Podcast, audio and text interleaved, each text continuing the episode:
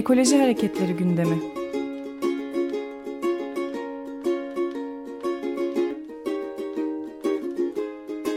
Çevre ve Ekoloji Hareketi avukatları tarafından hazırlanıyor.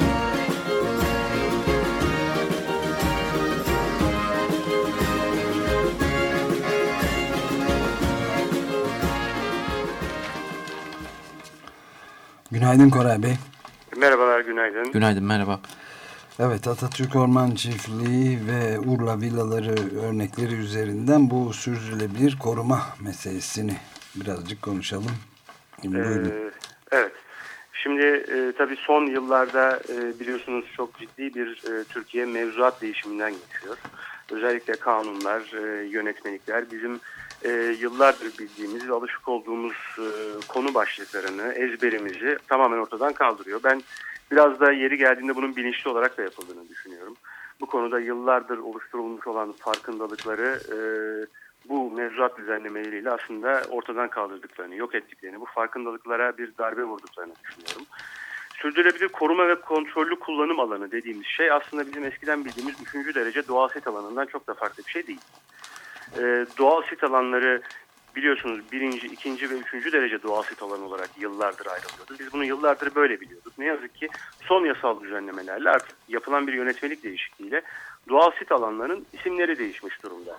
Yani kesin korunacak hassas alanlar, nitelikli doğal koruma alanları ve sürdürülebilir koruma ve kontrollü kullanım alanı e, olarak isimlerini bile akılda tutmak belki zor.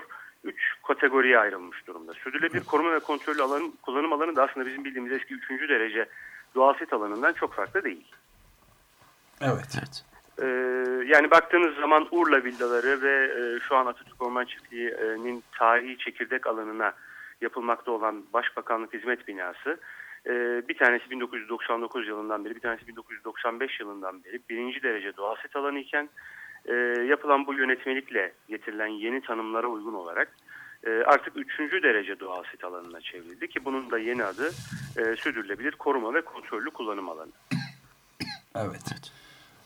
Şimdi, Baktığınız zaman buyurun. Evet yani bu bu değişiklik aslında göründüğünün çok ötesinde hiç masumane olmayan bir değişiklik gibi gez, geliyor kulağa ne diyor?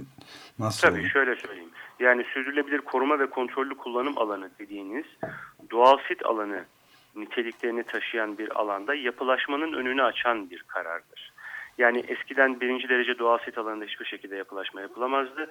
Bu ikide bir takım e, izinlere tabi olarak yapılabilir. Üçüncü derece sit alanında ise artık nispeten yapılaşma izin verilebilir bir pozisyondaydı. Bugün Urla villalarının bulunduğu alan ve Başbakanlık Hizmet Binası'nın bulunduğu alan üçüncü derece doğal sit alanına çevrilmekle yani yeni adıyla sürdürülebilir koruma ve kontrollü kullanım alanına çevrilmekle üzerinde yapılaşmaya açılabilmesi, e, yapılaşmaya uygun bir şekilde kullanılabilmesi anlamına geliyor. Ne yazık ki masumane olmayan kısmı bu. Yani buralar artık elimizden gidiyor. Korunması gereken, üzerinde hiçbir yapı yapılmadan e, yıllarca birinci derece doğal sit alanı olarak korunmuş olan bu yerler artık ne yazık ki belli bir şekilde yapılaşmanın önü açılmış durumda. İşin sakıncası ne yazık ki burada. Evet. Peki buradan e, bu çıkış nasıl olacak bir görebiliyor musunuz? Buradan çıkış ancak şu şekilde olabilecek. Biz hukuki mücadelemizi devam ettireceğiz.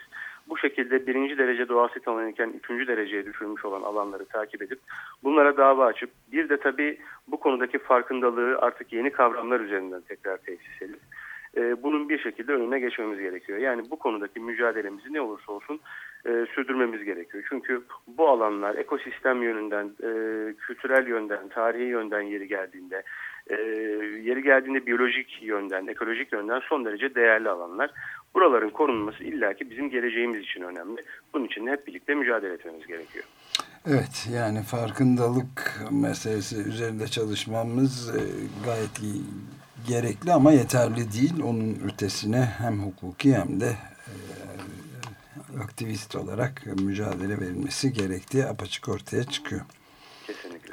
Çok teşekkür ederiz Koray Bey. Ben teşekkür ederim. İyi yayınlar diliyorum. Görüşmek üzere.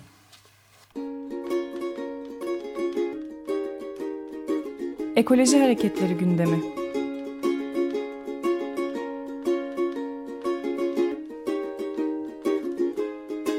Çevre ve Ekoloji Hareketi avukatları tarafından hazırlanıyor.